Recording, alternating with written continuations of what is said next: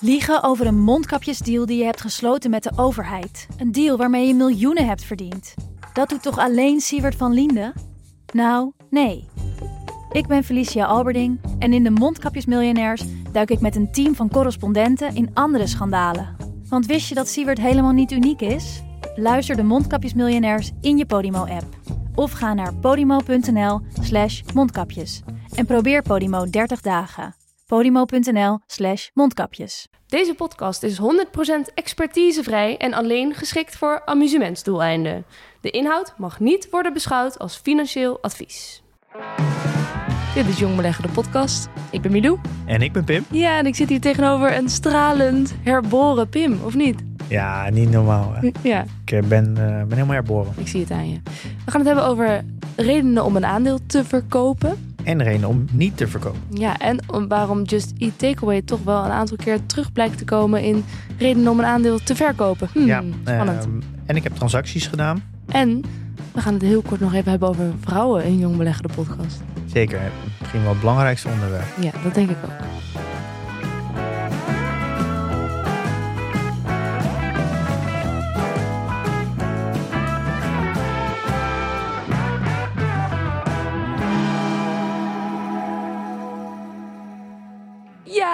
Hij is er weer. Zo, we zijn weer terug. Ja. Je hebt niet stilgezeten. Nee, nee, zeker niet. Ik heb vooral eh, genoten. Genoten van, eh, van een weekje Spanje. Ja, maar ook, ik bedoel eigenlijk genoten van, eh, van jullie podcast. Oh, van Ja. Dennis en mij. Ja, ook genoten van, van even stilstaan. Ja, was je, was je een beetje trots op afstand op jouw waardige vervanger Dennis Emmelkamp? Ja, ja, nee, absoluut. Ik heb er echt van genoten. Dus, ik kan, in een van de allereerste afleveringen heb ik verteld dat ik het liefst had gewild dat deze podcast in deze vorm er al was. Dan had ik hem zelf niet hoeven maken. En het voelt een beetje alsof het cirkeltje nu een beetje rond is, omdat Dennis eh, mij vervangen heeft. Dan heb ik, ja, kon ik eigenlijk naar de podcast luisteren die ik zelf had gewild, die er altijd was. Je hebt het gecreëerd en het kan ook zonder jouw voortbestaan blijkt. Ja, heel mooi. Ja, ik zou het eigenlijk heel leuk vinden om mogelijk in de toekomst nog meer mensen die mij even vervangen. Ja, dus je, maar je was dus niet bang van, oh jeetje, kan ik nog wel terugkomen? Hebben ze me niet meer nodig bij Jong Beleggen? Ja, nee, nee, natuurlijk niet. Ik heb mijn eigen kijk op dingen. Dus ik voeg op mijn manier mijn waarde toe. Eh, maar ja, beleggen is, is denk ik heel belangrijk dat je een breed perspectief hebt. En ik kan me voorstellen dat mensen af en toe een beetje klaar met mij zijn. Van, daar gaat hij weer. Eh, en dit is zo goed om dan eens een keer iemand anders te horen... die net op een andere manier kijkt. Kan je weer een hoop van leren. Ik heb er zelf ook een hoop van geleerd. Oh, mooi. Dus eh, zoveel mogelijk perspectieven in beleggen is natuurlijk heel belangrijk. Ja, ja. Ehm, en ik zat te denken, dit is het langste dat ik jou ooit niet heb gezien sinds ik jou ken, denk ik. Ja, dat klopt, ja. Terwijl ik je normaal gesproken elke week zie. Ja, ook weinig gesproken. Ja, ja. Ze heeft zelfs taart voor me meegenomen. Zo Ja. erg heeft ze me gemist. Ja, maar hij was ook jarig en ja, dat is toch taart waard, zou ik zeggen. En eh, nu is het december en zitten we hier met kerstversiering in de studio van Dag en Nacht Media en is het weer als vanouds. Nou, is het weer lekker gezellig, hè? Ben jij een beetje bijgekomen? Ik ben zeker bijgekomen. Ik heb niet alleen maar vakantie gevierd. Ik heb ook eh, vooral veel aan eh, PDT gedaan. Wel fijn om even niet elke week een eh, deadline te hebben. Dus dat doet, eh, dat doet me wel goed. Ja. En veel, eh, veel gelezen. Dus, ja. En veel voorbereiding gedaan voor een nieuwe podcast. ja en er staan iets van zeven. Zeven nieuwe gasten gepland. Ja. Be- bedoel je nieuwe podcast of nieuwe afleveringen? Eh aflevering met Ja. gasten de Ja, komende drie maanden. Ja. Dus, daar had ik ook iets meer tijd voor om nieuwe mensen te werven. Daar voorgesprekken mee te doen. En, Ja. Dus, eh, ja, dat, eh er komen een paar hele leuke afleveringen aan. Je hebt geïnvesteerd in de toekomst. Zeker, ja, ja. Ja, ja. Nou, wat gaan we vandaag doen? We gaan het vandaag hebben over wanneer verkoop je een aandeel. Uitgebreide eh, voorbereiding van jouw kant. Ik zat een beetje te twijfelen over, ga ik nu een portfolio-update doen? Omdat ik toen wel wat, wat transacties heb gedaan. En er is in de afgelopen maand een hoop gebeurd de beurs. Het is eh, aardig bewegelijk. Het is Eh? altijd zo, als jij weggaat, dan zakt de beurs in. Ja, het is, eh, ik ben echt flink heen en weer geschommeld. Dus dacht ik, ja, dat zou wel heel mooi zijn. Maar ik denk dat voor deze week past heel goed. Wanneer verkoop je nou een aandeel? De, de afgelopen tijd zijn sommige verschillen heel groot geworden. Vooral technologieaandelen zijn soms wel 30, 40 procent naar beneden gegaan. Ik heb ook twee aandelen in mijn portefeuille die eh eigenlijk ruim eh, min 40. Welke waren dat? Just Eat en Alibaba. Eh, het is natuurlijk een, eigenlijk wel een heel interessant onderwerp. Wanneer verkoop je nou? We hebben het natuurlijk eigenlijk alleen maar gehad over... ja, wanneer koop je een aandeel? Hoe koop je een aandeel? En ik denk dat dit wel toepasselijk is nu de beurzen hard naar beneden gaan. Op, sommige, in sommige sectoren. Ja, wat is nou een goede reden om te verkopen? Ja, dus je hebt twintig redenen uitgekristalliseerd, op een rijtje gezet, Ja, nou, ik denk als ik lang had gezeten, had ik er nog veel meer kunnen bedenken. Ja. Ik, eh, we gaan ze op volgorde doen van hoe, waarvan ik denk dat het de belangrijkste reden is. Oké. Dus, eh, en ik heb ook nog even een kort lijstje gemaakt met de redenen om niet te verkopen. Ja, want die zijn er natuurlijk ook. Die zijn er ook. Oké, nou. Laten we dan bij de belangrijkste beginnen. Nummer één. Ja, de belangrijkste is denk ik dat je analyse niet klopt. Of niet meer klopt. Je hebt verkeerde aannames gemaakt of je hebt bepaalde connecties gelegd die niet kloppen. Eh, of je bent misschien eh, te, te rooskleurig geweest in, in bepaalde inschattingen. Of je hebt bepaalde projecties gedaan op, op hoe een sector ontwikkelt en dat valt tegen. Mhm. Ehm, dus ik denk dat het allerbelangrijkste is. Dat als de analyse niet meer klopt, dat is gewoon een hele goede reden om te verkopen. Wat zijn dan bijvoorbeeld onderdelen van die analyse waar je naar zou kunnen kijken? Ehm, ik denk, ja, je kan verkopen bijvoorbeeld als het management de executiekracht niet heeft. En ik denk dat dat vooral met dat kleinere bedrijven die nog hard groeien. Ehm, dan zie je vooral founder-led bedrijven die, dus die founder die is dan heel goed in het bedrijf starten en een gat in de markt vinden. Mhm. Maar het kan zijn dat hij uiteindelijk niet goed genoeg is om het bedrijf te leiden. Om het er echt uit te voeren. Ja, het is misschien het is dan meer een, een ondernemer dan een manager. Dus die, die, die, die vertaalslag die die moet maken, dat, dat lukt hem dan niet. Dus die executiekracht ontbreekt. Dat is heel moeilijk van tevoren inschatten. Daar kom je Mhm. pas achter als je, als je, ja, als je het ervaart. Eh, dus dat kan eigenlijk een hele goede reden zijn. Eh, de moot is minder sterk dan gedacht. Eh, Maar dat, dan heb je gewoon een foute analyse gedaan. Ja, maar daar gaat het ook over. Fout in je analyse. Ja, Het- oké, maar ik dacht dingen waar je gaandeweg Ja, achterkomt. Ja, maar soms moet een moot natuurlijk, en vooral in nieuwe sectoren. eh, ik denk dat een mooi voorbeeld is, denk de food delivery. Eh, dat is denk ik als je nou, in Just Eat had belegd in 2019, is de industrie in twee jaar tijd extreem veranderd. Dus de, de moot is denk ik, als je vanuit 2019 kijkt, sterker voor Just Eat dan dat het nu is. Oh, ja. Eh, dus het kan ook zijn dat de omgeving verandert. ja. Eh, en dat het blijkt dat eigenlijk de moot minder sterk is dan gedacht. Ja. Ehm, ik omdat ook natuurlijk mensen veranderen, eh, samenleving, de nieuwe dynamieken veranderen, waardoor ook blijkt dat ja, als gedrag verandert, kan een moot ook minder in één keer minder sterk zijn.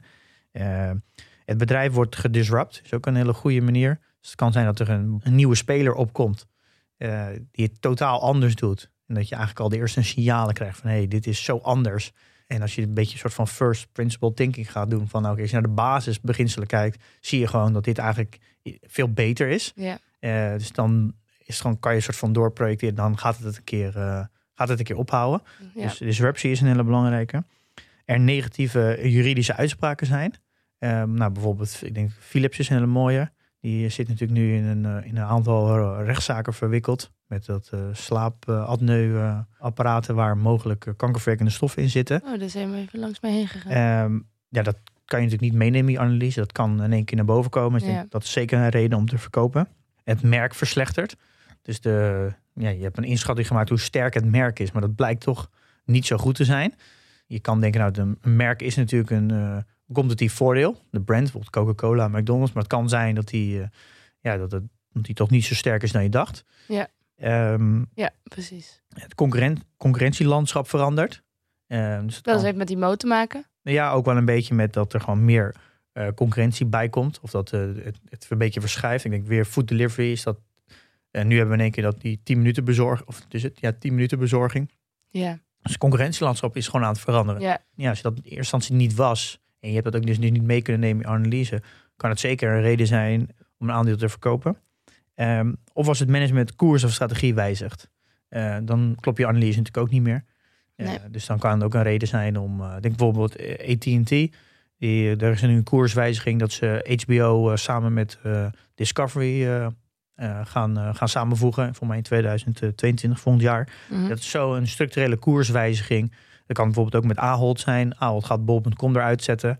Ja, als jij in Ahold belegt en je vindt, ja, bol.com is echt een versterking voor Ahold. eh, en ook voor alle andere bedrijven zoals Gallego en Ethos. Dat ze ook de kennis van bol.com ook... eh, eh, daardoor kunnen ze makkelijk goede mensen aantrekken in technologie. En die kunnen ze dus inzetten ook in Amerika, waar ze 60% van de omzet halen. Dus ik zie die, ik zie die combinaties, dat zit in mijn analyse. En als ze dus bol.com gaan afstoten, er komt misschien wel meer de waarde uit, maar dan zie ik wel de, dat Ahold verzwakt. En dat kan dus ook een reden zijn voor jou eh, om, juist, om juist uit Ahold te stappen. Want ja. Ja. er is een strategiewijziging die niet paste, die er nog niet was toen je een analyse maakte. Ja, oké. Dus dit Ja. zijn eh, even zeven punten die eh, onderdeel vormen van eh, één reden om Ja, je kan te natuurlijk een, verkopen. De analyse klopt niet meer. Ja, je kan hem natuurlijk zo lang maken als je Ja. zelf wil. Maar in de basis is het ik denk dat, je, dat ik daar zelf veel kritischer op moet zijn. Dat je een goede analyse moet maken. Daar, ook wat, daar, daar moet je het ook eigenlijk ook opschrijven. En als er gaandeweg je bevolgt dat bedrijf en er veranderen dingen, dat je dan ja, prima afscheid kan nemen. Ja. Eh, er zijn zoveel andere bedrijven waar je wel in kan beleggen. Ja. Of je moet echt bewust je analyse aanpassen. Ja. En ik denk dat uh, daar voor mij nog, uh, ja, dat het daar nog niet goed genoeg vindt. Er zijn best wel wat bedrijven in mijn portfolio die ondertussen best wel zijn veranderd vanaf het moment dat ik ze kocht. Helemaal als je ze langer bezit. Ja. nou, sommige bedrijven die bezit ik nu al bijna twee jaar. Dus dat is best lang, als je ziet mijn beleggingsperiode. Uh, dus ja, er is een kan dan best wel een hoop veranderd uh, zijn. Ja, dus je moet op zijn minst heroverwegen. Ja. ja. Oké. Okay. Um, de tweede. Ja, opportunity kosten. Ja, dat is natuurlijk eigenlijk een, een, hele makkelijke als je ergens anders meer upside ziet. Ja, dat is natuurlijk een hele goede reden om, uh, om dan een aandeel te verkopen. Hoeft niet per se zijn dat het bedrijf slecht is. Maar als jij ergens anders betere kansen ziet, ja, dan is dat natuurlijk altijd een goede reden. Uh, ik denk hoe kleiner je portefeuille is. Dus als je bijvoorbeeld 10 aandelen hebt, dan is de kans dat je natuurlijk ergens anders een, een opportunity spot die beter is, is natuurlijk aanzienlijk. Ja. Uh, dus altijd een goede reden. De opportunist mentaliteit. Ja. Nummer drie. Um, ja, en het boek onregelmatigheden. Ja, dat ook, spreekt ook een beetje voor zich. Uh, als, je, als je niet op de cijfers kan vertrouwen. Nou, ik denk dat Ahold in 2003 natuurlijk de, de jaarrekeningfraude of boekhoudfraude. Uh, ja, als je niet op de cijfers kan vertrouwen, ja, waar kan je dan wel op vertrouwen? Dan is denk ik altijd een goede reden om een bedrijf te verkopen. En nu recent bijvoorbeeld EV-box, wat misschien sommigen wel kennen, die wil via spec naar de beurs, maar die uh, dus vereiste jaarcijfers van 2020 worden maar niet aangeleverd. Ja, dat, daar kan je gegeven moment niet meer vertrouwen op de cijfers. En dat zijn ja, denk ik wel redenen om, uh, om daar gewoon weg van te blijven. Ja, dus zodra je erachter komt dat er fraude is gepleegd of dat dingen van de cijfers niet kloppen, dan zou jij het eigenlijk altijd wel gaan verkopen. Ja, dat moet wel. Ja, dat, ik vind dat je dat eigenlijk direct moet doen. Ja. Uh, want ja, als je daar niet vanuit kan gaan, ja, dan dat is toch een beetje je basis van je, van uiteindelijk je waardering natuurlijk. Mhm. Kloppen de cijfers. Ja. Als je het gevoel hebt dat je het niet, dat het niet helemaal klopt, niet kan vertrouwen, dan is het altijd goed om, uh, om weg te gaan. Daar heb jij zelf nog niet mee te maken gehad, toch? Uh, nee, niet, naar mij weten. Nee. Nee, nee. De boekhoudschandalen moeten nog aan het licht komen. In jouw ja, maar het ja. kan ook wel zijn dat ze wat creatiever boekhouden. Dat ze bepaalde informatie dus niet geven of iets. Uh, ik kan ik niet heel concreet in zijn, maar ik denk dat, dat als je het gevoel hebt dat je het niet helemaal kan vertrouwen, moet je sowieso weg zijn. Oké. Okay. Punt 4. Ja, cultuurverslechtering. Dat is denk ik vooral bij bedrijven die minder kapitaalintensief zijn en die dus automatisch leunen waar, op personeel, waar dus eigenlijk de hefboom zit op, op hoofden van mensen. Nou, dan zie je natuurlijk al snel in de technologiehoek te denken. Nou, gaming is ook een mooi voorbeeld. Is dat de, de, de mensen die die game maken, er zit natuurlijk een extreme hefboom op die mensen, op de ingenieurs die dat maken. Die kan in principe het spel oneindig verkopen. Dus als je een paar knappe koppen bij elkaar zit die een heel mooi spel maakt, is het natuurlijk een extreme hefboom op die mensen. Dus de, de cultuur in zo'n organisatie is essentieel. Ja. Uh, gedijen die mensen lekker. Ja. Uh, en het is natuurlijk allemaal zijn creatieve beroepen, uh, engineering. dus ja, voelen die zich op hun gemak en dan komt er natuurlijk, ja, komt het, komen ze het beste tot hun recht. Nou, een mooi voorbeeld is denk ik recent Activision Blizzard, waar de CEO en volgens mij ook founder voor mij beschuldigd wordt van uh, seksisme, dacht ik. Dat weet ik niet exact, maar in ieder geval wordt beschuldigd. En dat merk je van dat er echt een deukel in de cultuur is. Uh, veel mensen lopen weg daar. En dat als, ja, als je aandeelhouder bent in een bedrijf waar, waar een cultuur verslechtert, waar, waar de hefboom zit op mensen, ja, daar moet je echt heel erg van uitkijken. Want als een cultuur eenmaal verziekt is, uh, ja, Ja. dan kan dat jarenlang kan dat dooretteren. Dat is echt een, uh, echt een red flag. En dat is echt denk ik een hele goede reden om gelijk van te verkopen. Bijzonder dat het zo belangrijk is. Vooral in, uh, in softwarelandschap en technologie, gaming, daar zit de hefboom extreem op mensen en daar is cultuur echt essentieel. Ja, ja. Daarom hoor je ook heel vaak uh, uit de start-up wereld en zo dat uh, ook zie je ook bij Google en zo, dat ze een Google Campus hebben. En dan word je verzorgd. En dan heb je een kapper Precies, en een, uh, ja. een en die wordt opgehaald met busje. Je hebt goede lunches. Het is allemaal bedoeld om een zo goed mogelijke omgeving ja. te creëren voor, voor mensen, zodat ze kunnen excelleren. Mijn huisgenoot die werkt bij McKinsey. Die worden ook wel uh, in de watten gelegd. Ja. af en toe. Maar ze moeten ook keihard werken. Maar dat doen ze dus ook. Ja, dat, maar dat is een. Uh, ja, dus ze snappen gewoon heel goed dat zulke bedrijven, ook consultancybedrijven als McKinsey, er zit gewoon een hefboom op mensen. En Ja. ja. die, die zijn ook schaars, want er zijn natuurlijk maar een gelimiteerd aantal mensen helemaal die zulke soort werk kunnen doen. Dus ja, dus, er wordt gewoon heel goed voor verzorgd. En al, ja, als de cultuur niet fijn is, als mensen niet met een goed gevoel naar het werk gaan, ja, dan gaan ze ergens anders kijken. Ja. Eh, en dan kan een bedrijf heel snel heel veel waarde verliezen. Oké, dan gaan we naar de, het volgende punt. Punt 5. Ja, een eh, mega-acquisitie.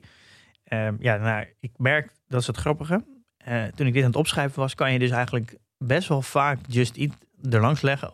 En een reden vinden waarom je eigenlijk Just Eat moet verkopen. Dat is best wel, ge- Oh. als je al langs al die punten gaat. Nou ja, weer een mega-acquisitie. Nou, we hebben zelfs een aflevering gemaakt met Jitse Groen over eh, hoe doe je een succesvol eh, overname. Ja, die doet wel meerdere mega-acquisities. Die heeft er heel veel gedaan, maar hij heeft zich heel veel succesvol. Maar ja, misschien op de laatste heeft hij zich toch een beetje vergrepen. Grubhub eh, ja, wordt toch over het algemeen wel gezien als tot nu toe als een mislukking. Maar is het dat ook? Ja, in principe is het tot nu toe waardevernietigend. Eh, je kan nu nog een, ja, het zal over drie of vijf jaar zou je terug kunnen kijken om te kijken of het achteraf misschien wel een goede keuze bleek. Ja. Ligt ook een beetje aan hoe de, de markt zich ontwikkelt natuurlijk. Anders had een andere partij het overgenomen. En ja, nu kan je het denk ik wel op korte termijn bestempelen als een mislukking. Als, omdat het best wel waardevernietigend is. Ehm, en dat, ja, dat kan best wel zijn als je belegt in een bedrijf en die doet een grote acquisitie. En jij ziet het voordeel niet van die acquisitie. Je ziet eigenlijk alleen maar nadelen. Of, of meer nadelen dan voordelen. Ja, dan is dat best wel een goede reden om, eh, om eruit te stappen. ja. Eh, omdat ja, eigenlijk je analyse verandert. Maar Eh, wa- ook wanneer het- is... Ja? maar ook de hele dynamiek van een bedrijf. en dat kan natuurlijk ook de andere kant op gaan. General Electric stuk, heeft laatst aangekondigd dat ze gaan opsplitsen naar drie verschillende bedrijven. Ja, dat is eigenlijk een soort van omgekeerde acquisitie eigenlijk. Ja, dan verandert het complete bedrijf. Je, je belegt in een heel, je krijgt gewoon drie andere bedrijven. Ik kan me heel goed voorstellen dat je dan zegt, nou, dit is niet waarom ik beleg in dit bedrijf. Mhm. Ik, ik ga eruit. Ja. En maar, wanneer is het dan een mega-acquisitie? Wanneer is... Ja. Ja, je moet altijd wel kijken naar verhoudingen natuurlijk. Als Amazon een bedrijf overneemt van 3 miljard. Ja, dan kom je uit op, wat is het? eh, op een eh 1700 miljard beurswaarde. Dus eh, ja, wat is het? Eh, bijna 1,2 procent, 0,2 procent op de totale waarde. Dus ja, dan is het natuurlijk geen mega-acquisitie voor Amazon. Maar neemt Am of, eh, Ahold dat bedrijf over van 3 miljard. Ja, dat is op de beurswaarde van Ahold is dat 10 procent. Ja, dat is wel echt een, een hele grote acquisitie. Ook vaak grote acquisities worden dus niet alleen maar betaald in cash, maar vaak ook in aandelen. En eh, daardoor verwater je als bestaande aandeelhouder heel erg. Dus dat is echt een hele goede reden eh, Ja. als jij daar geen voordeel in ziet om er afstand van te doen. Ja. ja, ja. Ja, dit is eigenlijk, eh, je moet eigenlijk je afvragen, als er een acquisitie wordt aangekondigd, moet je eigenlijk als belegger gelijk afvragen, ben ik het eens met het management? Vind ik de, de, de verantwoording die ze afleggen om zoveel geld uit te geven en zelfs ja, mij te laten verwateren, vind ik dat waard voor de overname? Zie ik daar echt voordelen in? Ja. En als je dat, ja, eh, het management zal altijd zeggen dat, ze, dat er alleen maar voordelen zijn, maar dat is belangrijk dat je zelf kritisch kijkt. En als je, daar, ja, als je daar wat sceptisch over bent, eh, ja, waarom zou je dan die onzekere periode ingaan? Want eh, ja, wetenschappelijk is al vaak bewezen dat de meeste acquisities mislukken. Dus eh, zeker een reden om een aandeel te verkopen. Punt 6. Eh, ja, de, je, je hebt een fundamentele analyse gemaakt, maar de upside is eruit. Eh, en dit is eigenlijk waar Dennis natuurlijk het al heel veel- over gehad heeft. Is dat je doet een fair value berekening. Nou, dat hebben we gehad met de fundamentele analyse op de waarderingsstuk. En dan geef je een prijs aan, uiteindelijk aan het bedrijf. Je, je koopt hem onder de margin of safety, maar het aandeel gaat hem omhoog. Mhm. Ehm, en je kan uiteindelijk de fair value niet meer aanpa- niet aanpassen. Omdat je, er zijn geen nieuwe cijfers naar boven gekomen. Dus eigenlijk is de- het bedrijf op de beurs gewoon juist gewaardeerd. Hij Dus heeft de- zijn fair value bereikt. ja, dus de fair value is of misschien hij is zelfs een beetje overgewaardeerd. Mhm. Nou, dat is gewoon een, ik denk misschien de allermooiste reden om een bedrijf te verkopen. Maar dat is wat een goede waardebelegger doet. Ja, dan heb je eigenlijk, het geeft wel een heel euforisch gevoel. Ik zit er eigenlijk een beetje met, met Ahold. Ik heb een analyse gemaakt, daar een prijs op bepaald, onder de margin of safety gekocht. Een hele, eh, met bol.com erin berekend. Nou, nu tikt het om erbij mijn fair value aan. Het zit volgens mij 50 cent onder mijn fair value. Dus het lijkt het soort van het perfecte plaatje. En alles klopt eigenlijk binnen wat je verwacht. Ja, dat, is, eh, dat maak je als belegger dan een beetje trots. Omdat je helemaal als beginnende belegger, dat klopt gewoon precies wat je, hoe je het had gezien. Dat zou dan eigenlijk voor mij een heel mooi moment zijn om dan daar afscheid van te doen. Want de upside is eruit. En als ik dan een nieuw aandeel vind waar, waar, ja, waar wel nog, eh, waar ik aan kan kopen op de margin of safety, dan eh, verplaats je het daarin. Dus dat is Ja. een hele goede reden om afscheid te nemen van Ahold. Wil nu niet zeggen dat Ahold in één keer een slecht bedrijf is. Alleen voor Nee, jou precies. is het. eh, De upside is eruit. Ja. ja, ja. Ik moet zo lachen. Ik, ik zie jij de hele tijd met je kopje zwaaien. Er staat op, ik probeer mijn kantoorbaan met koffie drinken te combineren. Het Wel typisch dat jij dat weer vast hebt. Ja, maar er zit wel thee in. Er zit thee in. Ja, inderdaad. En je hebt ook geen kantoorbaan. Daarom. Punt 7. Ehm, extreme waarderingen vergeleken met de kans. En ik denk de manier van verkopen, dat moet ik eigenlijk nog even bij zeggen. Dit is een beetje een algemene lijst, maar per strategie heb je eigenlijk weer andere redenen om te verkopen. Bijvoorbeeld in dit gaat dan meer over groeistrategie. Kijk, als je groeibedrijf belegt, dan beleg je natuurlijk vooral in verruim in de toekomst. Het is, je gaat echt een, een inschatting maken waar gaat de wereld naartoe. Eh, je maakt gebruik van dat de, dat de marges extreem hoog zijn in, groei, in softwarebedrijven. En daar eh, is een fair value berekenen veel lastiger. En daar, zelf eh, ook ervaring mee? daar doe ik nou bijvoorbeeld CrowdStrike is een voorbeeld. Op een gegeven moment lopen de waarderingen gewoon zo hoog op. Ja, dat je het bijna ja, een beetje ongemakkelijk van wordt. Eh, en dat, dat is dan, kan wel een reden zijn om te verkopen. Soms wel lastig, want je, ja, soms, nou, ik denk dat de, de, de echte groot, goede bedrijven, als je bijvoorbeeld naar Amazon, terugkijkt in het verleden naar Amazon, Google en zo, en Facebook, die zijn altijd periodes gewoon heel pittig gewaardeerd, vooral Amazon. Maar als je terugkijkt naar alle keer dat die pittig gewaardeerd was, had je hem eigenlijk toch moeten houden.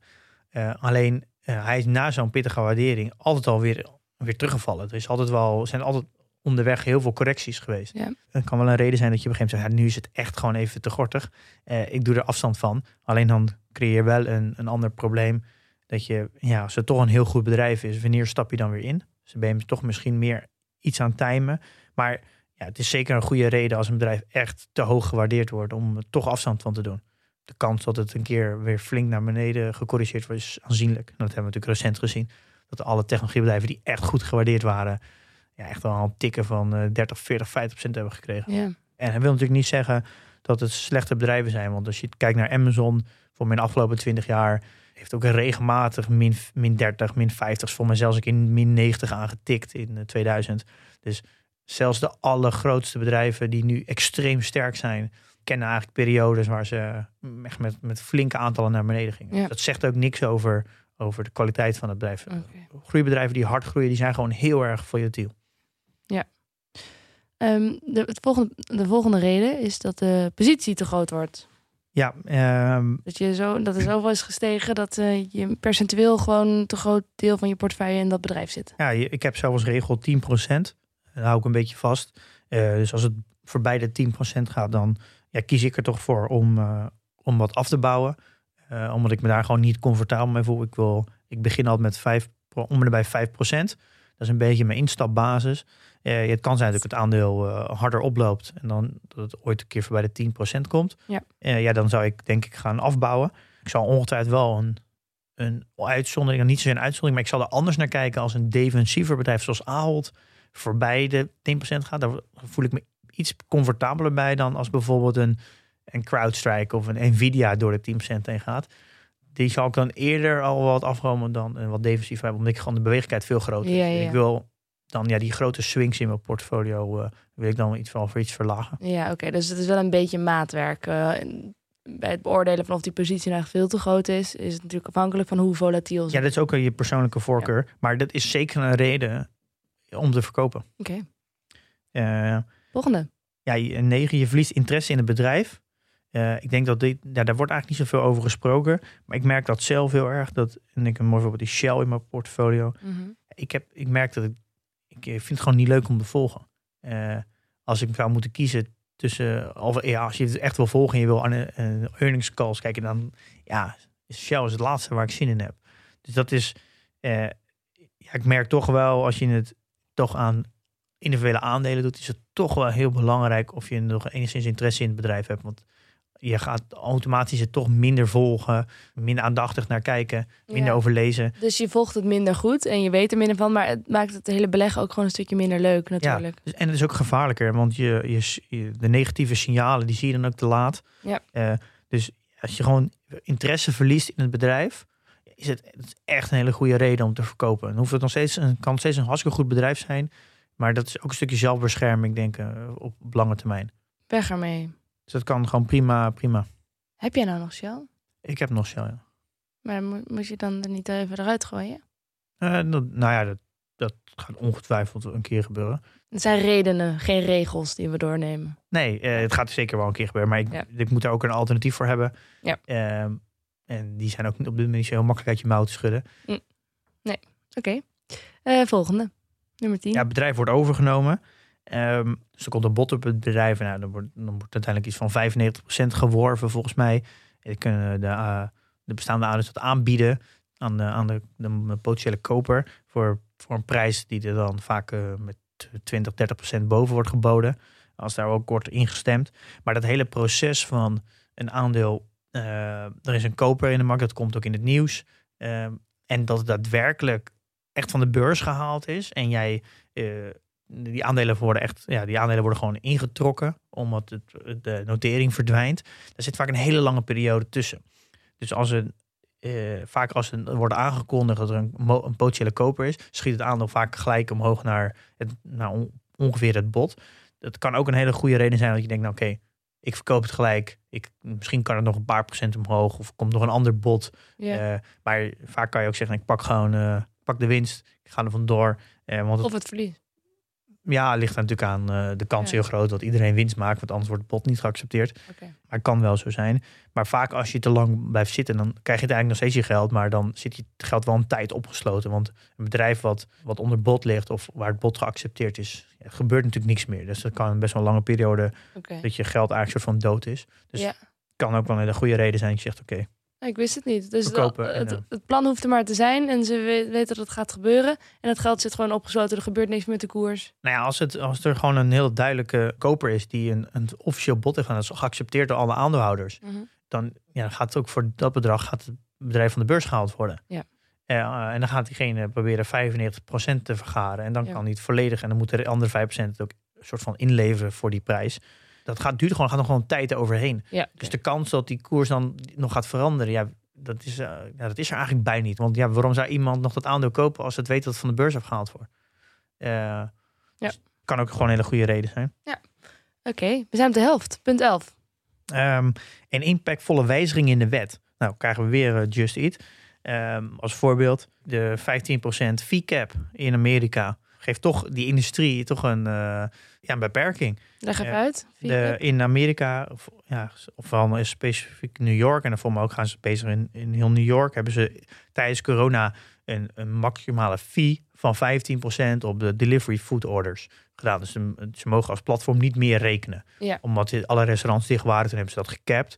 En nu, na corona, blijft die cap ook gewoon. Dus daardoor is eigenlijk je winst gelimi- ja, gelimiteerd aan 15%. Ja. Dat kan dus eigenlijk, je, je marges kunnen dan ook niet meer omhoog. Ja. Dus dat is een, een wetwijziging die er eigenlijk voor zorgt dat, dat dat is een extreem nadeel voor die bedrijven. Ja. Het kan een hele goede reden zijn dat je denkt, ja, dit is voor mij niet meer interessant. Nu wil Ja. ik, eh, daar wil ik, nou, als de, als de wetten gaan komen in de industrie, dan ben ik, er, ben ik weg. Precies. Ja. En, en misschien gaan er ook wel regels komen om die eh, de grote techbedrijven een beetje meer aan banden te leggen. Nou, ook een heel goed voorbeeld. Als dat echt komt, ja, dan wijzigt de wet. En dan wordt het, kunnen heel veel businessmodellen minder interessant zijn. Nou, ja, we hebben de gig workers nu. De Europese Unie is bezig om eh, al die flexwerkers van die eh, ja, van Uber en die delivery, eh, food delivery bezorgers. De zogenaamde ZZP'ers. Ja, die worden, moeten allemaal in dienst genomen worden. Nou, weer een wetswijziging kan, heeft, dus- kan heel veel invloed hebben op. Ja, de ene bedrijf zal er kan, kan ervan profiteren, de andere bedrijf kan er juist van verliezen. Dus ja, dat kan zeker een reden zijn om te verkopen. Ja. En misschien nog wel een heel mooi voorbeeld, die is echt heel concreet. In Amerika heb je van die brokers zoals Robinhood. Mhm. Nou, het is gratis handelen eigenlijk. En ze verdienen payment for order flow.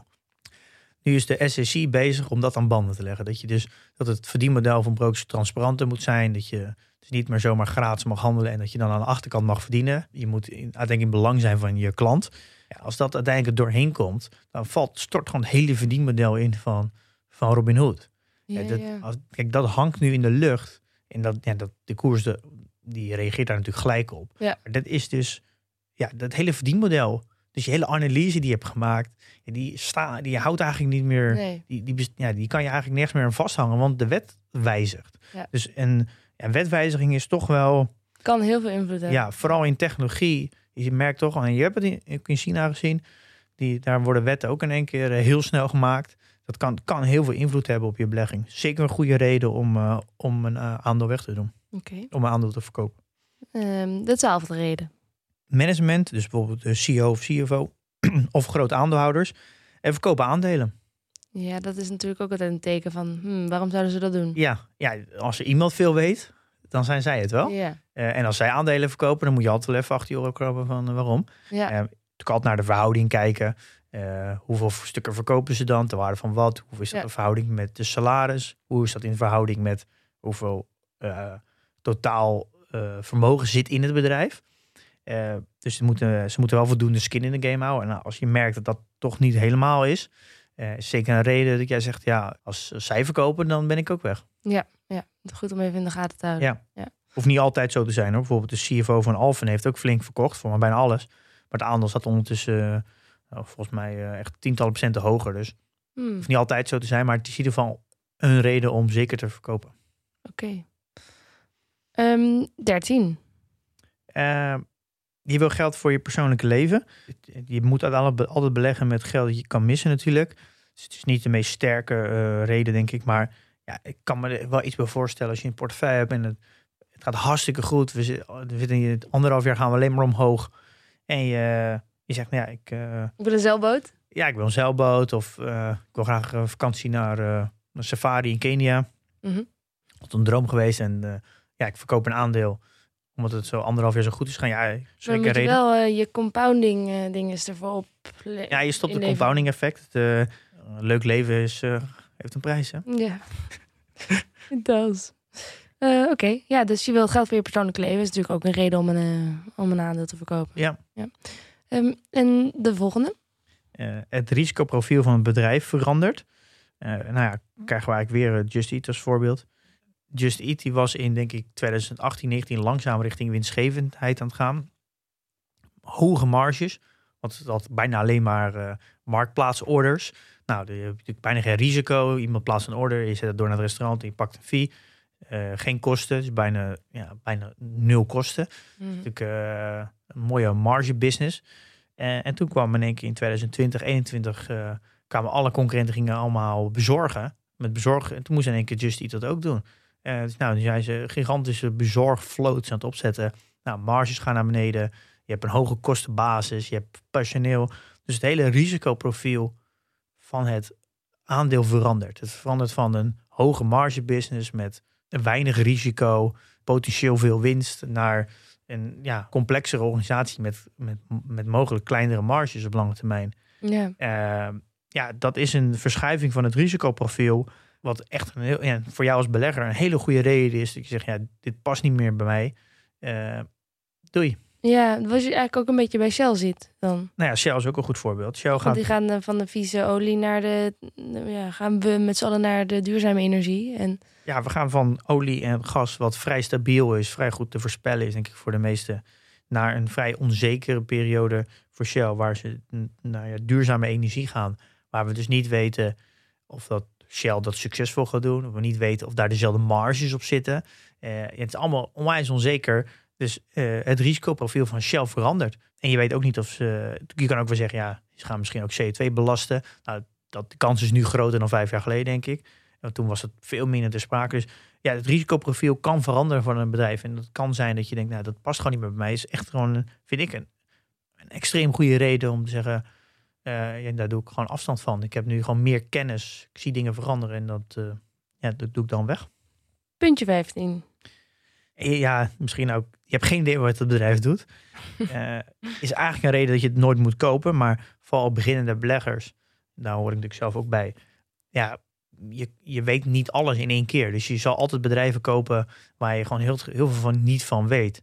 En gaandeweg wordt, we- word je steeds beter als belegger. Dus je, je weet gewoon, je leert ook veel meer je circle of competence scannen. Je leert ook wat je niet weet. Ja, Eh, dus ja, als je een bedrijf niet voldoende begrijpt, en dan kom je misschien ook gaandeweg meer achter, omdat je andere bedrijven die je wel beter begrijpt. een soort een, een bedrijf als een boek dat je alleen op de kaft hebt beoordeeld. Maar er Ja. gaan de weg achter komt. Ja, daar moet je ook niet, elkaar niet voor schamen als je beginnende belegger. Dat, dat gebeurt gewoon. Dat is ook onderdeel van leren. Ik heb ook bedrijven in mijn portefeuille die ik meer beter begrijp dan anderen. Het is gewoon echt een prima reden om te zeggen, ja, doe ik gewoon, dan begin ik gewoon weg. Ja, jongens. En, eh, gewoon een hele goede reden. Moet, No je niet, moet je ook niet moeilijk over doen. Ehm, dan de reden nummer 16. En ja, je eigen risicoprofiel is veranderd. Eh, het hoeft niet Mhm. alleen van het bedrijf, maar kan ook van jezelf zijn. Eh, het kan natuurlijk twee kanten op gaan. Je kan veel defensiever. Nou, bijvoorbeeld meer je beleggingshorizon is gehaald. Dus dan word je wat defensiever. Dus je, je risicoprofiel verandert voor jezelf. Ja, Maar het kan ook de andere kant op gaan. Dat je wat meer kennis op gedaan hebt. Ik ben dus vrij dus defensief. jij. Ik ben defensief begonnen met dividendaandelen. Ja. Eh, En nu, en nu heb je meer eh, groeiachtige aandelen. ja, omdat ik het wat meer kennis op gedaan. Ik snap veel beter wat het risico is van groeiaandelen. Eh ja, dus mijn risicoprofiel is wat veranderd. Daardoor heb ik natuurlijk afscheid genomen van best wel veel hele defensieve bedrijven. En ook, nou, ik heb Ja. in het verleden ook heel veel dividendaandelen gehad die, die ik nu niet meer, niet meer heb. Ja, ja, ja, dus je bent er wat riskanter op geworden. Dat is dan reden om afscheid te nemen. Is van die defensieve aandelen. Soms kan ja, het of zijn. niet zozeer riskanter, dat ik, ik begrijp gewoon veel beter de dynamiek van bepaalde type aandelen. Dus Ja. Je kan zeggen, je risicoprofiel is veranderd. Ja, riskanter klinkt te, de- te negatief inderdaad. Je risicoprofiel is veranderd. Ehm, Oké. Ja, en daar je Maar dat is ook een beetje je beleggingsstrategie. Ja, dat is een beetje de verlengde ervan. Je beleggingsstrategie is gewijzigd. Eh, nou, voor mij is dat is een beetje hetzelfde eigenlijk als je risicoprofiel. Eh, kan die kan je eigenlijk wel samenvoegen. Ik ben van dividend en een klein beetje groei nu naar meer value.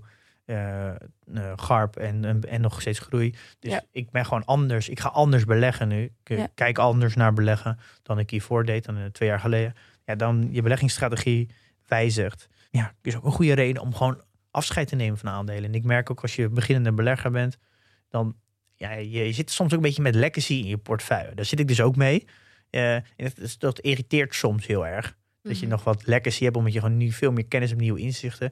Ja, het is soms helemaal geen gek idee om gewoon een ETF te introduceren. En gewoon al die legacy verkopen. Dat je wel geld in de markt houdt. En dan langzaam weer het opbouwt naar bijvoorbeeld eh, losse aandelen. Zodat je wat sneller van je legacy afkomt. Dat is ook prima. Pim, wat zeg je nu? Heb ik je eindelijk zover gekregen dat je ook in de ETF's gaat? Nou, ik zou je vertellen, ik heb zelfs een ETF aangeschaft, maar daar komen we zo bij. Bij, eh, bij de portfolio update? Ja. Oké, Oké, dan eh, hou ik me nog even in. Ehm, zijn er nog punten? Ja, we gaan nog naar nummer 18. Ja, we, mm, maar we kunnen er nu eigenlijk wel sneller doorheen. De, ja, je- de, gewoon de ma- macro-economische trend verandert. Eh, is niet een hele sterke reden, maar er, er, ja, er zijn altijd bedrijven die wel heel erg cyclisch zijn en reageren op, op macro-economie. Nou, het makkelijkste voorbeeld is natuurlijk rente. Als de rente echt flink omhoog gaat, ik denk niet dat dat echt gaat gebeuren, maar het zou, dat zou bijvoorbeeld kunnen. Eh, als dat een omgeving is, dan gaan natuurlijk bedrijven met hoge schulden gaan er heel veel last van hebben. Of bedrijven die heel veel eh, marge maken op rente, die gaan ervan profiteren. Dus als er macro-economisch een andere trend is, of trendwijziging, dan kan dat zijn dat een reden is dat je bepaalde bedrijven afscheid neemt.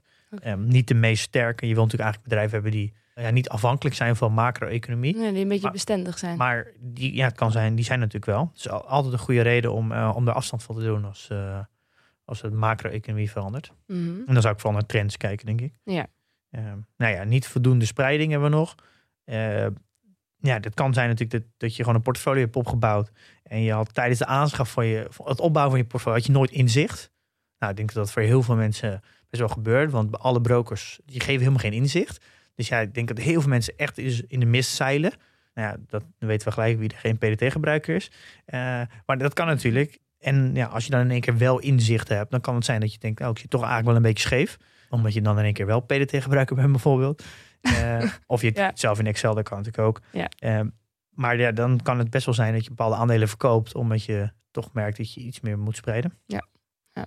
Eh, ja, en dan hebben we nog de beleggingshorizon, die wordt, eh, wordt korter. Dan ga je ook eh, aandelen verkopen, omdat je, je gaat richting, richting eh, bijvoorbeeld je pensioen of iets. Eh, dat is voor veel luisteraars nog niet echt een. eh, nee, maar dat is ook, ook een goede reden om een aandeel weg te doen. Ja, ja. Eh, Dat was de laatste. nou, laten we daarbij houden, ja. Ah, 20 redenen. En nou eh, komen we eigenlijk bij de belangrijkste. eh, misschien ook, ja, ook wel belangrijk eigenlijk. eh, wat geen reden is om te verkopen. En Mhm. Dat is eigenlijk ook een beetje ac- wel actueel. Stijgende beurskoers en een dalende beurskoers Oh, dat is inderdaad wel een beetje van de afgelopen tijd, is geen reden om een aandeel te verkopen. Om Nee. puur gebaseerd op dat een koers omhoog gaat. Nee, dat is geen reden. Nee. Ik denk dat Zet heel, het uit je hoofd. ik denk dat het heel belangrijk is. En ik denk dat het toch, toch wel vaak gebeurt. Ja, want Eh, dat is emotie. Ja, Maar emotie is ook geen reden om. eh, nee, dus eigenlijk nou, emotie, angst, impulsiviteit, allemaal geen reden. Ehm, dus eigenlijk, ja, dat is gewoon geen reden. Ik snap dat dat soms Ja. wel gebeurt. Ja. Maar ik denk dat het altijd een, eh, een foute keuze is. Kijk dan naar die reden erboven, die 20 die we net hebben opgenoemd. Dat zijn allemaal, vind ik, eh, goede redenen, maar een beurskoers naar boven en beneden niet. Wat wel een goede reden is om te verkopen, is als je buurman vindt dat het moet. Ehm, dat is dus ook geen goede reden. Nee. Eh, je tante, een beleggingsmagazine, YouTube, een podcast, als wij dat vertellen ook niet. Nee. Allemaal geen goede reden om een, een aandeel te verkopen. Ik, je hoort toch best nog wel vaak, eh, oh, het, het aandeel is 30% omhoog gegaan, nu verkoop ik het, pak ik mijn winst. Dit is geen goede reden om te verkopen. Nee. Eh, een algehele beurscorrectie, ook geen reden om te verkopen. Dat je je portfolio benchmarkt tegen een index en merkt dat je bijvoorbeeld underperformt, Oh ja. geen reden om te verkopen. Nee. Je moet nooit jezelf op, eh, op een soort van functioneringsgesprek zetten op, in een één moment. Eh, pak het een periode van vijf jaar of tien jaar. Liefst een hele complete economische cycle. De verkiezing van een president? Ook niet. Eh, dus eigenlijk de macro-economische trend veranderen. Wat ik net zei als reden van wel, is ook gelijk een reden van niet. Mhm. En eh, is gewoon geen reden om daar ook gelijk op te handelen. Eh, er moet dan echt een hele duidelijke aanleiding zijn. Maar gewoon op dat de rente structureel of de rente nu in één keer omhoog gaat om zomaar te verkopen, is geen goede reden. Bewegelijkheid op de markten, ook geen reden. Bewegelijkheid is niet negatief. Kan je ook omzetten in, in, eh, in iets positiefs. Zeker op de korte termijn is Eh, het zo heel erg interessant. Eh, nou ja, juist op de korte termijn kan het nadelig zijn. Ja, Want het maar- en weer. Maar op lange termijn Ja. heeft dat niet zoveel effect. Kan zelfs ook in je voordeel gebruiken. eh, omdat je daardoor meer instapmomenten creëert. Van de bedrijven die je, heel, die je toch al hebt. Ehm, ja, en ik denk ook gebeurtenissen in de samenleving. Zoals een bestorming van eh, de Capitool. Nou ja, corona, Evergrande. Eigenlijk allemaal geen reden om aandelen te verkopen. Nee. Eh, dus eigenlijk, de, als je het heel snel ziet, is dat gewoon alles waar je elke dag mee te maken hebt. Waar je al die prikkels die je elke dag krijgt, van uit allerlei plekken, van podcast, YouTube, kranten. Iedereen die, die tegen je zegt eh, waar het naartoe gaat. iedereen wil je laten Allemaal verkopen. ruis. Ja. En eigenlijk het enige, eigenlijk de reden om iets te verkopen is gewoon puur eigenlijk allemaal fundamenteel onderbouwd. Ja. Ehm, en dat je het je aan jezelf kan uitleggen. Precies. En hoe zit het trouwens met ETF's? Wanneer verkoop je een ETF? Ja, goede vraag. Ik Ik denk aandelen. Ik denk een goed gespreide ETF nooit. Dus Nee. zolang je eh, je beleggingshorizon nog niet hebt gehaald. Bijvoorbeeld de eh, MSCI World of de S&P 500. Eh, ja, Oké, maar eentje die op een heel specifiek thema maar- zit. Ja. ja. ETF's kunnen ook heel geconcentreerd zijn. Ja. Neem bijvoorbeeld de, de cybersecurity of de clean energy. Dat is zo'n geconcentreerde ETF. Wat zo in een specifieke sector zit. Soms maar met 50 bedrijven. Ja, dan kan je heel veel redenen bedenken om wel te verkopen. Ja. Daar kan ook een overwaardering in zitten. Ja. Eh, dat kan, daar kan ook eh, groter dan 5% of 10% van je portefeuille zijn. Waardoor je te geconcentreerd zit. Daar, zijn eigenlijk, daar kan je heel veel redenen die we net hebben opgenomen ook op een thema-ETF leggen.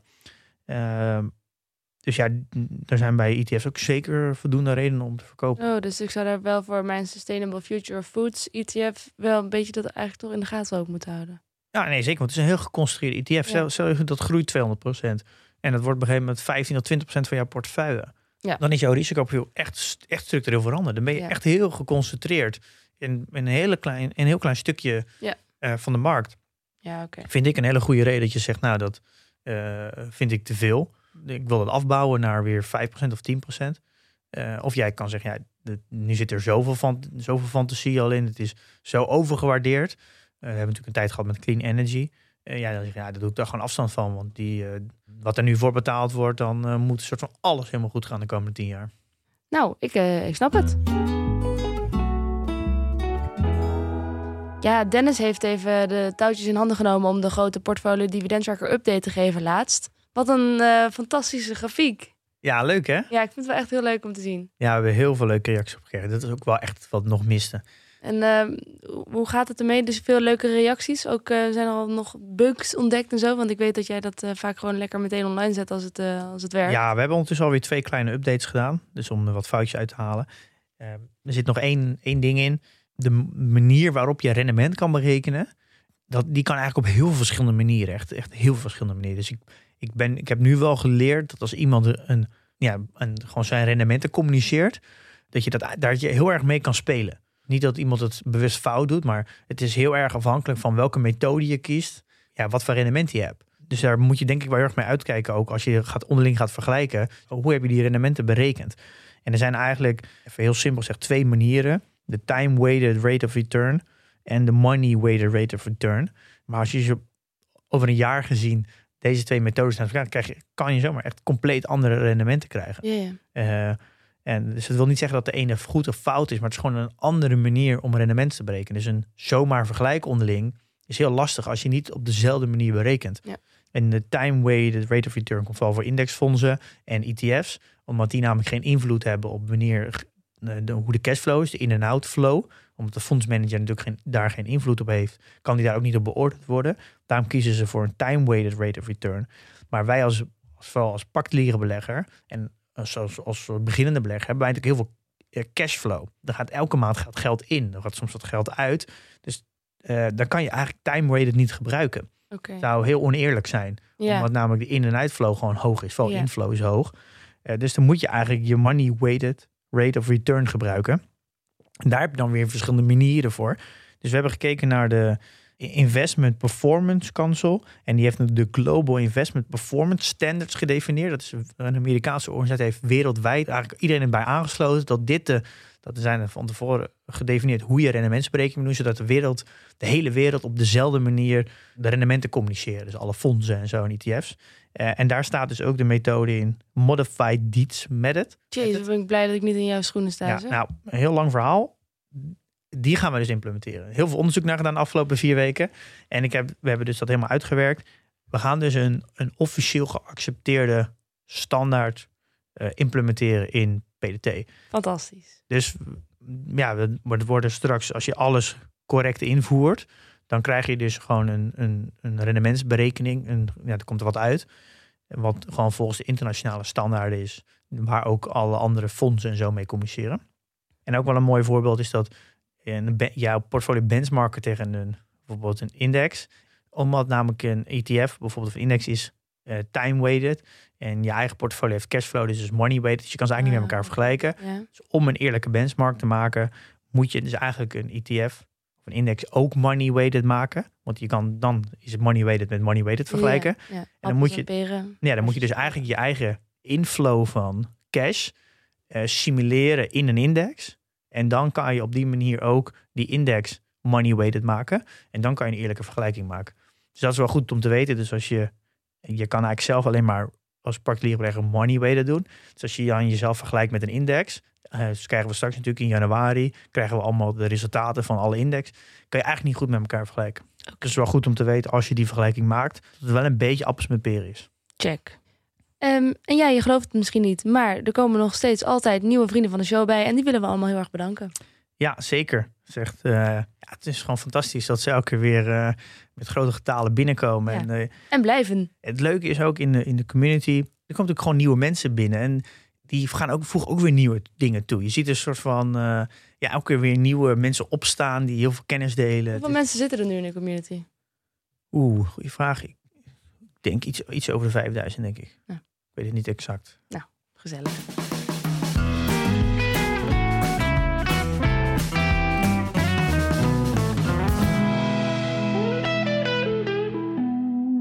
We slaan het nieuws even over, want eh, we hebben een, ehm, nog een portfolio-update van jou. eh, dat heb je beloofd. Want er zijn eh, flink wat transacties gepleegd. Ja, we hebben een- volgende week een gast en de week daarna ga ik een hele aflevering over mijn portfolio update maken. Dus daar ga ik wa- wat dieper op in.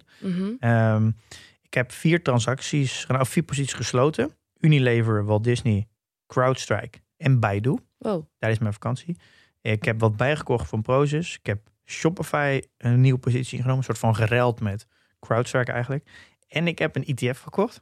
Ja, vertel. dat is de iShared Core MSCI World. Lekker de- gespreid, klinkt dat? De reden daarachter is, en dat is eigenlijk ook een beetje mee onderbouwing bij Unilever en Walt Disney. Die wilde ik eigenlijk al een hele tijd verkopen. En ik merk aan mezelf dat ik best wel een trage belegger ben. Ik ben niet impulsief. Ik, doe heel lang over een keuze maken. Dus ik ben eigenlijk heel passief. Eh, dat kan op lange termijn gaan, denk ik wel in het voordeel. Maar dat werkt soms ook een beetje in mijn nadeel. Eh, dus ik moet eigenlijk voor mezelf eerst... Ik wil altijd beleg blijven, dus ik moet een aandeel... Eerst een nieuw aandeel hebben voordat ik een aandeel verkoop. En daardoor heb ik eigenlijk te lang eh, Unilever en Walt Disney aangehouden. En dan denk ik, ja, dat is ook een ongezonde situatie. Dus ik heb nu eigenlijk bedacht, ik doe gewoon een, een wereldwijde ETF, goed gespreide, doe ik in, die doe ik in mijn portefeuille. Dat gebruik ik eigenlijk als een soort van substitute voor cash. Het is niet helemaal cash natuurlijk.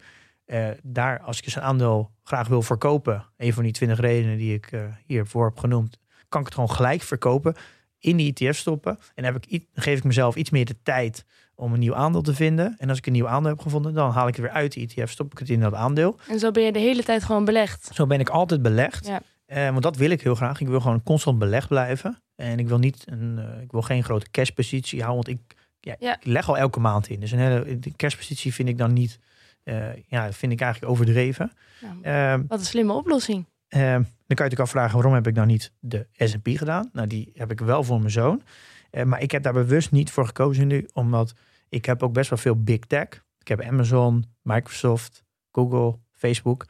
Eh, en die zitten natuurlijk ook eh, best wel zwaar in de S&P. Eh, en daarvoor heb ik ervoor gekozen om een meer gespreide ETF te nemen, dat mijn exposure naar tech dus ook is, mi- ja, minder heftig is dan Ja. dan heb ik er iets meer controle op. Dat, dat is de reden. Ja. Ehm, als ik volledig een ETF zou beleggen, dat doe ik dus van zo'n zou ik denk ik wel de S&P 500 doen. Nou, uitstekend. Ik kan het alleen maar aanraden. ehm, ik ga denk ik volgende keer wat meer in op, ik heb het wel op de website geplaatst, dan leg ik uit de keuzes die ik heb gemaakt. Ja, dus alles wat je net zegt, wat je hebt verkocht en wat je hebt gekocht, dat ga je uitleggen over twee weken in die grote Ja, portfolio. je kan nu alvast lezen op de website. Ja. Ehm, daar heb ik nu geen tijd voor. Ga ik over twee weken, gaan we er echt een keer helemaal doorheen. Ik, eh, Ja. ehm, eigenlijk moet ik, even, moet eigenlijk, ik moet toch even heel kort iets over Just Eat zeggen. Oké. En Ja, want het waren allemaal redenen om het te verkopen, hoorde ik net al voorbij komen. Misschien moeten we iets over zeggen nog. Ja, doe maar. Ik denk dat heel veel beleggers hebben die. Vooral uh, particuliere beleggers. Nou, ik natuurlijk ook. Ik ook. Dat zijn natuurlijk de, Ja, niet Alibaba, maar de bleeders in mijn portefeuille.